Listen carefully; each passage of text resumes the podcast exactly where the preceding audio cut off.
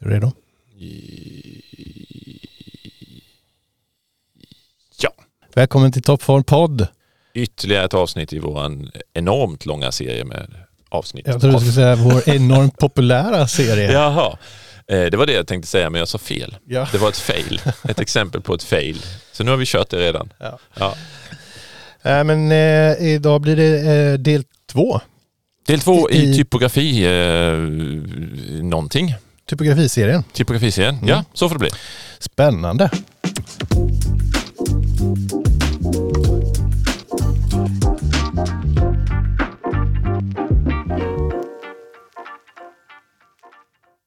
Ja, vi slutade ju eh, del ett Vi slutade del ett innan. innan och det är så man gör.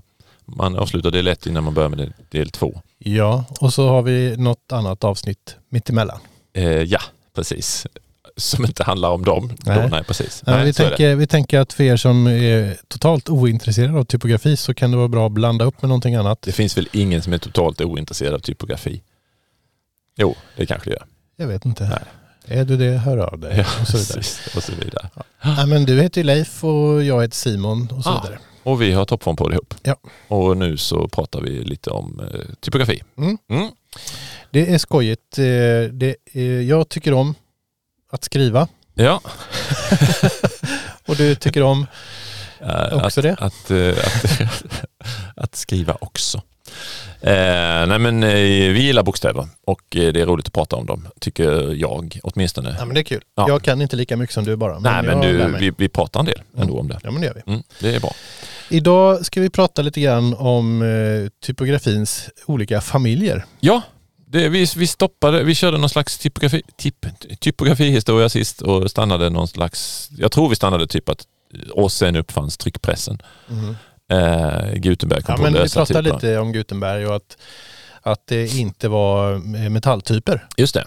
eh, på slutet har Ja. jag för mig. Ja, precis. Och jag, kom, jag vet faktiskt inte vem som eh, kom på att hörni, vi gör dem av metall. Men eh, eh, kom, man, man kom på det ganska snart. Men det var inte just själva Gutenberg som, Mm. som knäckte det. Eh, men eh, ganska snart började man utan. nu, nu hamnar vi tillbaka i det, men får jag Ja. bara eh, fråga då, för, för den här liksom, första skrivmaskinen, man hade någon form av bläckband med, med det är ju typer typ som slår Ja, det. mot pappret. Mm. Är, är det liksom nästa steg utav den eller? Mm, de har inte riktigt samma funktion. Nej, precis. Skrivmaskinen, och där är jag inte helt hundra när, när den uppfanns så. Mm. Men som, som grunka så slog den igenom rätt så hårt under 1800-talet. Mm. Så den är ju lite senare. Det bygger ju lite grann på samma teknik egentligen. Ja, det gör den ju. Det är ju verkligen det här med en metalltyp och, och färg som ska på. Mm. Eh, så. Men sen har du ju eh, andra saker som händer där i en skrivmaskin. Eh, det blir ett fast teckenavstånd som inte riktigt blir när du sätter typerna. Mm. Man kan tänka att ja, men det blev ett fast teckenavstånd där också men, men när du har lösa typer så kan du stoppa in mellanrum mellan dem. Och Man, och det gjorde man ganska snabbt, att man liksom göt de här i bly Mm. och så skapade man små bitar som man kunde stoppa in mellan bokstäverna Mm. för att bestämma avståndet Okej. bokstav till bokstav. Ja. Och då kunde man variera så att ett, eh, ett stort V kunde då få eh, ta lite utrymme eh, över ett O till exempel, då, ett gement Mm. O. Eh, medans eh, ett, eh, ja så. Men det kan man inte göra på en skrivmaskin. Nej. Där måste varje typ då ha sin egen eh, teckenbredd. Så då får man ett fast teckenbredd. Oavsett vilka kombinationer av bokstäver så är det lika brett mellan, lika, lika stort utrymme runt V oavsett liksom. Mm. Mm. Ja, just det beror, oberoende på vilket tecken som kommer före. Eller? Före eller efter, ja, precis. Så fast teckenbredd betyder inte att det, är fast, att det är lika brett mellan alla tecken. Nej. Utan det betyder att det är lika brett runt ett ex, eh, speciellt tecken alltid.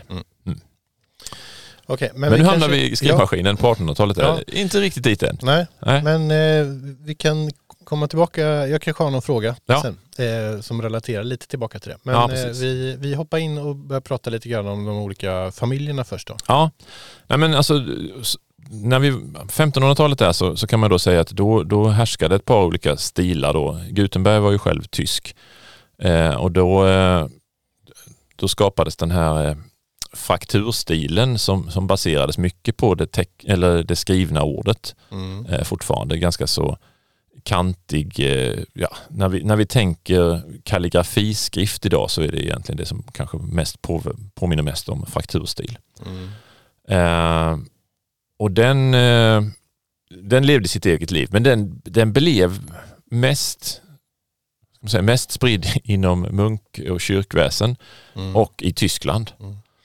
Eh, När du säger kalligrafi då tänker jag egentligen på text som, som får ta mer plats och, och fraktur så tänker jag på eh, någonting som känns mycket mer kompakt. Är Mm. du med på vad jag Ja, just det. är ute efter? Och det kanske man tänker när jag säger kalligrafi, att en del tänker att då är det liksom sirligt och Ja, ornamenterat precis. och Mm. breda ut sig så.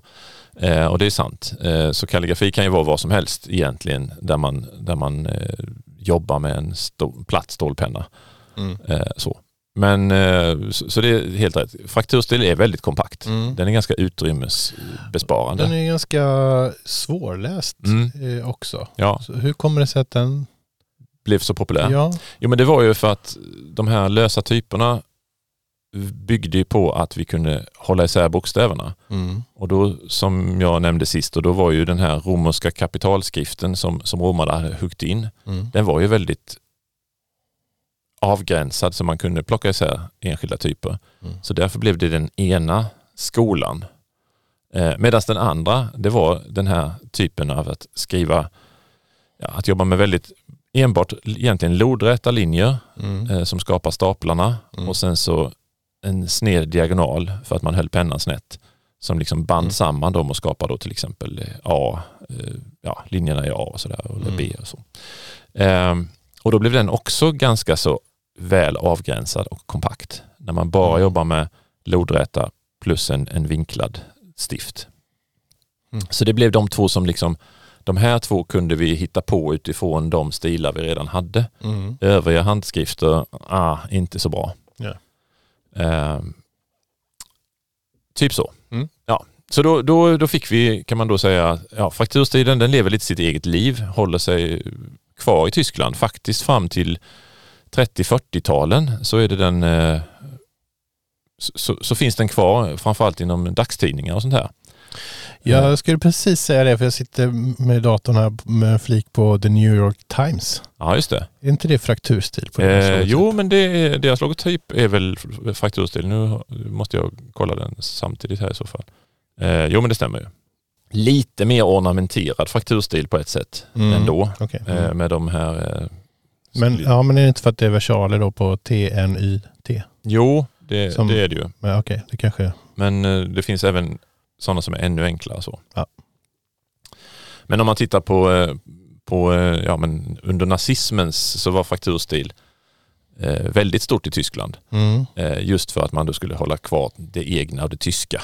Just det. Så så att där, där kan man också se att det liksom finns, le, levde vidare. Mm. Men annars så var det ju då diagonalantikvan som växte fram som familj kan man säga. Eh, Vad är det? Vad är det? Ja men då är det det, det här sättet som man, man höll så att säga penseln snett Mm, men målade eh, bokstäverna. Mm. Och då får man de här romerska bokstäverna som vi då tänker. Och där har vi då typsnittsmakare som jag nämnde sist, Garamond till exempel då, Mm. eh, som 1400-1500-talet eh, Venedig och Paris. Eh, Bembo är en annan sån snubbe som också skapade typsnitt. Eh, Jennon och Jensson finns det också eh, som jag sa Jennon, Jan, Jannon heter han. Eh, ja. Mm. Eh, och det där är ju då personer som har skapat sina alfabet, sina versioner av den här romerska eh, typsnittet. Mm. Eh, och som fortfarande finns kvar då, som, som man göt upp som stilar och som sen kanske glömdes bort. Garamond var bortglömd under några hundra år men upptäcktes igen på 1800-talet att ja, det här var inte så dumt. Mm. Eh, och sen har det då så att säga letat sig in i våra datorer också. Mm. Men så, så då hade vi den familjen här då med, med ganska typiska sådana som började växa fram här på 1500-talet. Och var familjenamnet då?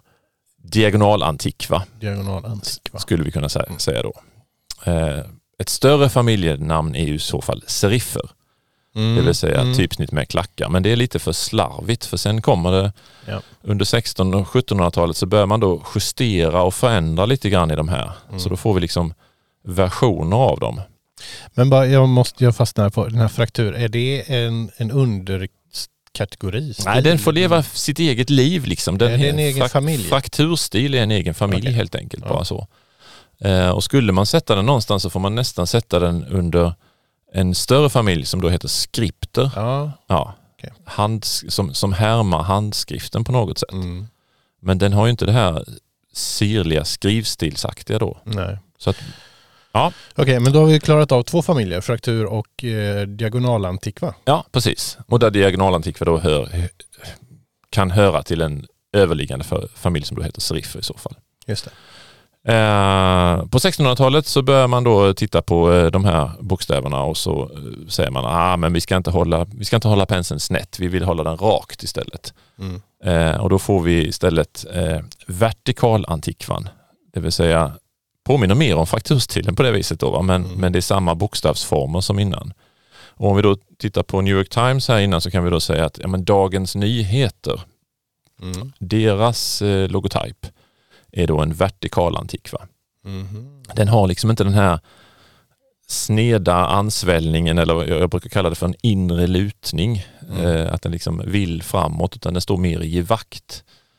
Eh, och de här typsnitten är ganska vanliga numera då inom modebranschen. Vogue, Mm. eh, L. L har också det. Eh, och där har vi typsnitt som Bodoni och Didot Mm. som då var två typsnittsmakarfamiljer. Eh, Bodoni italiensk, Didot fransk. Eh, och som båda två hävdade att vi kom på den här, det här sättet. Mm. Eh, så det, det är liksom den förändringen skedde på 1600-talet. Så då har vi diagonalantikvor, vertikalantikvor. Mm. Och båda de skulle kunna sorteras under seriffer. Seriffer dessutom. Okej. På 1700-talet sen, då har vi upplysningen. Då börjar man säga att vi kan räkna ut allting. Eh. Vi förstår, vetenskapen ska klara av det här. Mm. Och då eh, händer samma sak inom typografin. Eh, till exempel så John Baskerville eh, bestämmer sig då för att räkna ut mer matematiskt hur de här typsnitten ska byggas upp Mm. och hur linjerna ska hänga samman med varandra. Och det blir en slags mellanting mellan den här diagonalantikvan antikvan och eh, vertikalantikvan. Eh, som då blir en transantikva. Och där har vi typsnittet Baskerville Mm. som då är lite kraftigare i de tjocka linjerna men inte fullt så tunn i de tunna skulle man kunna säga. Mm. Eh, och där kan vi då sortera in eh, andra typsnitt också. Caslon till exempel Mm. skulle man kunna peta in där också. Eh, så då har vi liksom tre underfamiljer under det som vi då bör kalla för serifferna Ja. i så fall. Sen på 1800-talet så kommer det mycket. Det, det, industrialiseringen slår verkligen igenom. Mm. Eh, och eh, skrivmaskinen börjar bli en stor grej också. Mm. Eh, och de två sakerna gör att man börjar titta på andra typer av typsnitt. Eh, man behöver något som är lite kraftigare som funkar att mer stämpla. Mm. Både i när man tillverkar saker så vill man kunna stansa in saker eller även i lådor och sånt här. Att kunna ja, få dit. Ja, bränna typ. och Bränna och, och, och pressa in. Mm. Eh, Och då är de här för tunna i sina tunna linjer. Ja. Alla de här egentligen varianterna. Kanske möjligtvis frakturstilen är den som skulle klara det bäst. Då, men då har den läsbarheten mot sig. Så att det är lite så. Mm. Och då, eh, då uppfinner man, skulle man kunna säga, den som du kallar då mekanen. Eh, Och den uppfanns egentligen då till en utställning om, om eh, ja, Egyptien egentligen. Så den hade inte så mycket tanke att man skulle lösa de här problemen. Okej. Eh, men eh, hamnade ändå där. Mm. Eh, och mekanen det är då att den, den är ganska jämntjock men den har seriffer. Och det är just det vi tänker som skrivmaskins typ snitt. Eh, Courier till exempel då eller Rockwell eller sådär. Ja. Eh, så den är, inte, den är inte smal och tjock om vartannat på samma sätt utan mer ja, jämn tjocklek men ändå tydliga klackar som den står på. Mm. Och den var smidig då att kunna både stämpla in och bränna in i lådor och sånt här. Och Mm. också funkade då på skrivmaskiner plötsligt där vi skulle slå på ett färgband där vi inte heller kunde ha för fina linjer för det blev för klabbigt helt Mm. enkelt. För att, eh, här kanske blandat ihop lite grann då, åtminstone vissa typsnitt med monotype.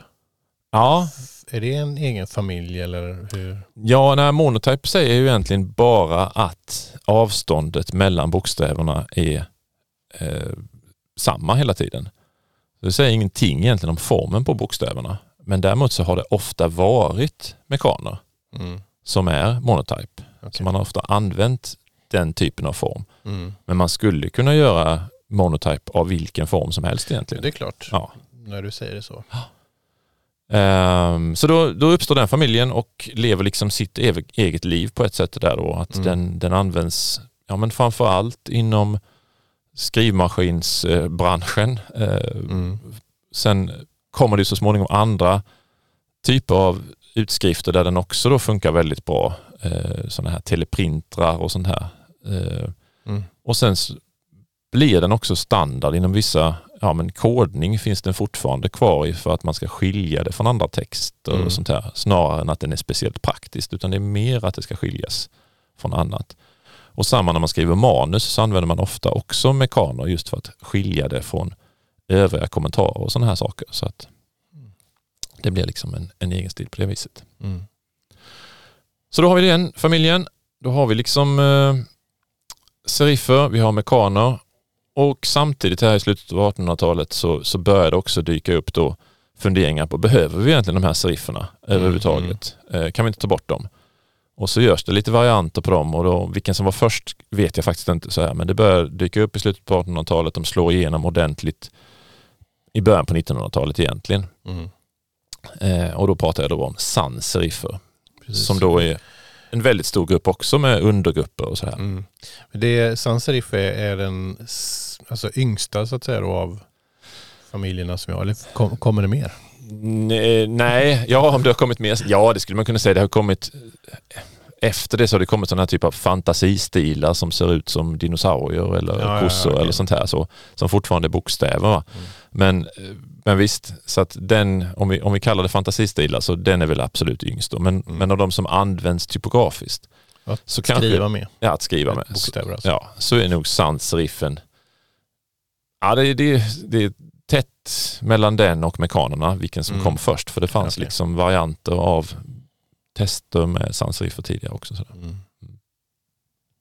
Men sans-riffen kan ju då också i sin tur då vara väldigt olika och vara mer humanistisk eller mer geometrisk.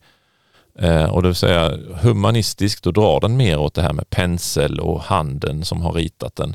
Och då Mm. blir den också, då innehåller den också mer drag av serifferna, det vill säga den är ojämnt tjock, den har tjocka staplar och tunna hårlinjer och så här. Mm. Eh, eller om den är mer geometrisk så kanske den blir mer jämntjock. Och här har vi ju olika stilar. På det mer humanistiska så skulle vi då kunna säga Jill Sans om man vill titta på hur den ser ut, eller Johnston. Eller ETC Legacy Sans eh, som då är riktigt sådana här humanistiska stilar som har bra läsbarhet och så. Mm. Eller mer geometriska Futura som kanske är den mest eh, geometriska som finns. Century Gothic är väldigt geometrisk också. Just det. Sådär, Mm. nu har vi liksom delat upp eh, typografin. Och sen har vi då skripterna som en egen stil också, men den har liksom funnits Mm. nästan med hela tiden. Ja. Och den är ju mycket till för att imitera handskrift. Mm.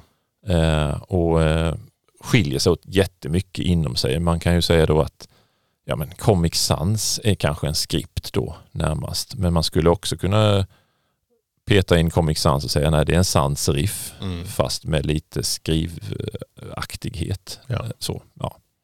så det, det är ju inte det är inte vattentäta skott mellan de här familjerna Nej, heller, utan de är liksom inne och hoppar i varandras eh, Mm. hagar eller sådär.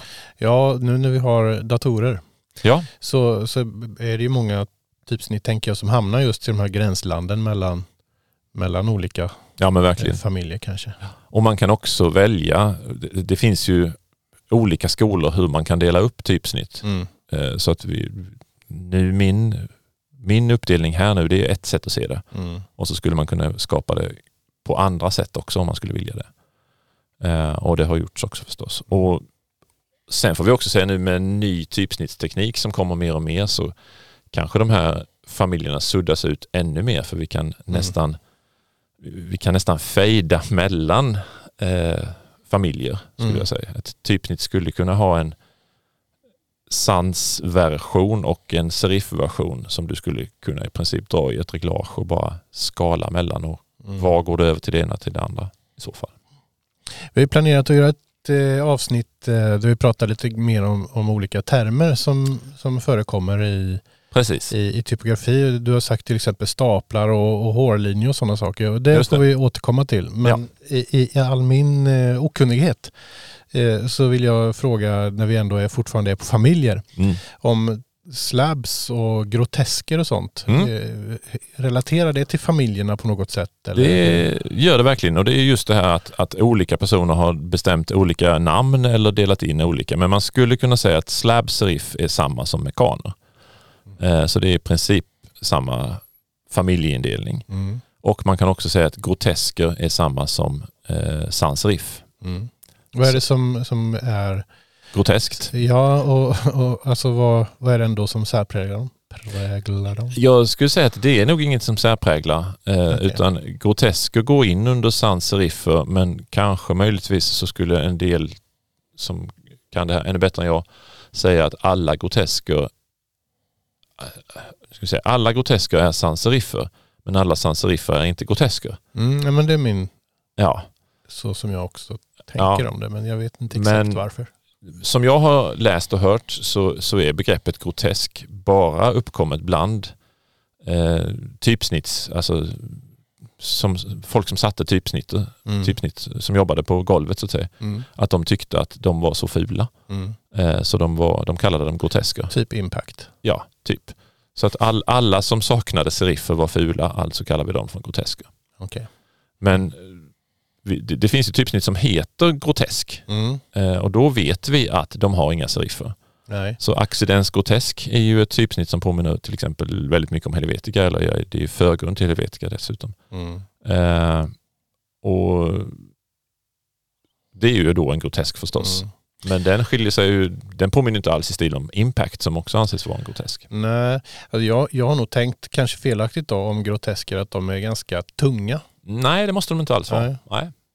Nej. Eh, utan det är, det är mer ett begrepp som bara beskriver att det här är en sansriff. Ja, Eh, en ful sansriff. en ful. Ja. Och där finns det ju ännu konstigare sån här namngivningssak. Eh, Franklin Gothic till exempel. Mm. Det finns väldigt många typsnitt som har tillnamnet Gothic. Mm. Och tänker vi gotisk då om vi skulle översätta det, då hamnar vi ju i någon slags frakturstil Ja, snarare. exakt. Ja. Eh, Asterix och goterna till exempel, de till och med pratar ju i frakturstil när han möter dem i pratbubblorna. Mm. Eh, men det är en parentes. Mm. Men, men Gothic säger egentligen bara namngivningsmässigt att det här är en sansrif. Okej. Så alla typsnitt som heter Gothic, då Mm. är det en sansrif. Okej. Och var namnet Gothic kommer ifrån är inte en susning. Bara kort eh, avslutningsvis angående slabb typsnitt. Ja. Är, är det så att de eh, inte är lika, liksom, vad ska man säga, rundade eller mjuka seriffer? Eller är, hur, vad är det som gör att ett eh, typsnitt är ett slabb typsnitt? Ja, det är samma sak där. Det är ju en gradskillnad då. Mm. Men man kan ju säga att eh, de, de har kraftigare seriffer. De kan vara runda eh, och mjuka. Så, Okej. Mm. så de kan liksom vara, men, men de, de går inte ut i en spets skulle jag säga snarare. Utan det är snarare så att de blir lite tjockare. Ah, okej. Så de är nästan, ska, vi överdriva så säger vi att de är lika tjocka som själva typsnittsbredden. Mm. Eh. Mm. eh, ja, stapelns bredd, om vi använder ordet stapel igen. Ja. Eh, så. Det kommer förklaring på det längre fram. Ja. Mm. Så fetare, fetare och mer jämntjocka seriffer. Ja, Då blir det en slabb. Tack för det. Yes! Ett fail ska vi få. Sånt clown-vibe över det. Ja, det är verkligen så. Mm. Okej, vad har du hittat? Ja, men jag, eh, nu hade jag inte mer liggande i min låda här utan nu letade jag reda på något och hittade något som jag tyckte var kul. Mm. Eh, och jag vet faktiskt inte bakgrund eller någonting till den här bilden, men jag fnissade när jag såg den. Det, är- det är en, eh, en ganska fin barnteckning på djur som går ombord på Noas ark. Ja. Eh, De går där två och två. Två elefanter, två giraffer, två lejon, två eh, antiloper och framför dem kanske det är två noshörningar eller något sånt där. Ja. Mm. Eh, Men den lilla haken är ju att, att båda lejonen har en kraftfull, elegant man. Så det blir helt enkelt två lejonhannar som kliver ombord på Noas ark här. Och det ställer ju till det lite grann på många sätt och framförallt kanske det ger ett inlägg till den här eh, homosexualitetstanken som eh, inte alltid är så positiv i Bibeln. Eh, Men det kanske inte var syftet här då. Men, är, Men- är det en ny bok eller? Jag vet inte, jag, kan ju, man kan ju tänka att... eh, att, det, att det finns en sån tanke. Ja. Ja. Ja. jag tror bara det är en misstag faktiskt. ja. Ja. Det hade ju inte funkat så bra i alla fall om, om det hade varit så på något Honorna kom senare. De kom Eller har senare, de redan gått ombord? men då blev det ju fyra istället. Då fick det Ja. fler lejon då i så fall. Då skulle de äta upp Ja, men det, ja. Ja. Ja, lite rolig bild. ja, den var... Skojig Någon, faktiskt. någon som inte tänkte hur lejon ser ut kanske helt enkelt. Mm. Den lägger vi upp. De glömde bort det. Glömde bort det. Låt mig förklara. Det ska du få göra. RGB, RGB. vad är det? Känns ju som att vi pratat om det, men det har vi inte förklarat ja, riktigt sådär Vi har varit tydligt. inne på saker som har gränsat lite grann. Ja, Men just förkortningen RGB har vi inte förklarat ännu. det ska vara spännande. Ja, eller Säg vad det är Simon. Ja, men eh, det är ju en akronym. Ja, Det står för röd, grön och blå. ja Och eh, även då red, green, blue förmodligen. just det. Eh, att det kanske börjar där någonstans. Är det skillnad på en akronym och en förkortning? Svara då. Jag vet inte, jag ställer frågan till dig nu. jag vet inte det. Nej, okej, men det här, ja visst. Ja, det är begynnelsebokstäverna i Ja. eh, orden red, green och blue. Och eh, det sammanfaller ju också med det svenska språket rött, grönt och blått. Mm. Det här är ju... Kanske borde läst på lite mer. Men Det här kan du. ja, nej, Ja. Men det, det är hur vi blandar färger additivt i det här fallet då. Till skillnad från smyk som är en, vad säger man då? Subtraktiv. Subtraktiv Mm. eh, sätt att blanda färgerna. RGB använder vi på skärmar, eh, alltså digitala ytor. Ja. Eh, Och additivt betyder att man lägger ihop lägga ihop de, de här färgerna så att de bildar varianter eller nyanser och nya färger tillsammans då. Mm. Därför att om vi kör fullt blås på både rött, grönt och blått på en skärm så kommer det bli en vit färg. Just det. Och Så, drar vi bort eller inte tänder någon, någonting alls, varken rött, grönt och blått, så blir det svart och sen så har vi allting däremellan då. just det. Och eh, på eh, skärmar så, så brukar man ja, men på varje färgkanal då, röd, grön och blå, kunna ställa eh, ljusets styrka egentligen då på varje kanal i 256 steg, nämligen mellan 0 och 255. Mm. Eh, och eh, det gör att vi får då 256 upphöjt till 3 antal kombinationer av färger då, vilket är 16 miljoner 700 000 någonting. Ja, du tog inte det i huvudet riktigt så. Nästan, tänkte jag men, eh, ja, nästan. ja. Mm. Nej, men, så det, det gör att vi har jättemånga färger att välja på. Jättemånga färger. Ja. Eh, så det är så många färger som en, en normal skärm kan visa. Just det. Med, med den här additiva RGB-tekniken. Då. ja, men superbra. Undrar du något mer? Ja, men jag skulle vilja veta, kommer det skärmar som kan visa ännu fler färger framöver? På något annat sätt? Eh, ja, det är möjligt. Jag vet inte vad som händer framöver. det Och kan- kanske redan finns, vad vet jag. Kan vi uppfatta det med ögonen? Ehm, ja, det, det är också en bra fråga. Jag, Ja. jag vet faktiskt inte. Och kanske det redan finns skärmar som har andra, alltså bygger på annan teknik än, än RGB-teknik Ja, då. Jag, jag vet faktiskt inte. ja just det. Nej, men RGB funkar så här i alla Mm, fall. Och så det, det. Blir, det heter additivt för att det blir vitt när vi lägger samman det. Mm, Och det andra heter subtraktivt för att det blir vitt när vi tar bort. Så att säga. Precis. Ja, just det. Ja. Okej, Så var det med det och det var det hela för eh, idag. nu var det slut. Ja, Ja, vi hörs så igen. trist. Ja, det blir snart eh, kul igen. Hör, av oss. Hör av oss. Hör av er till oss om ni vill. Eller Gör det. skit i det. ställ frågor. Säg något. Säg något. Hej då. Hej då.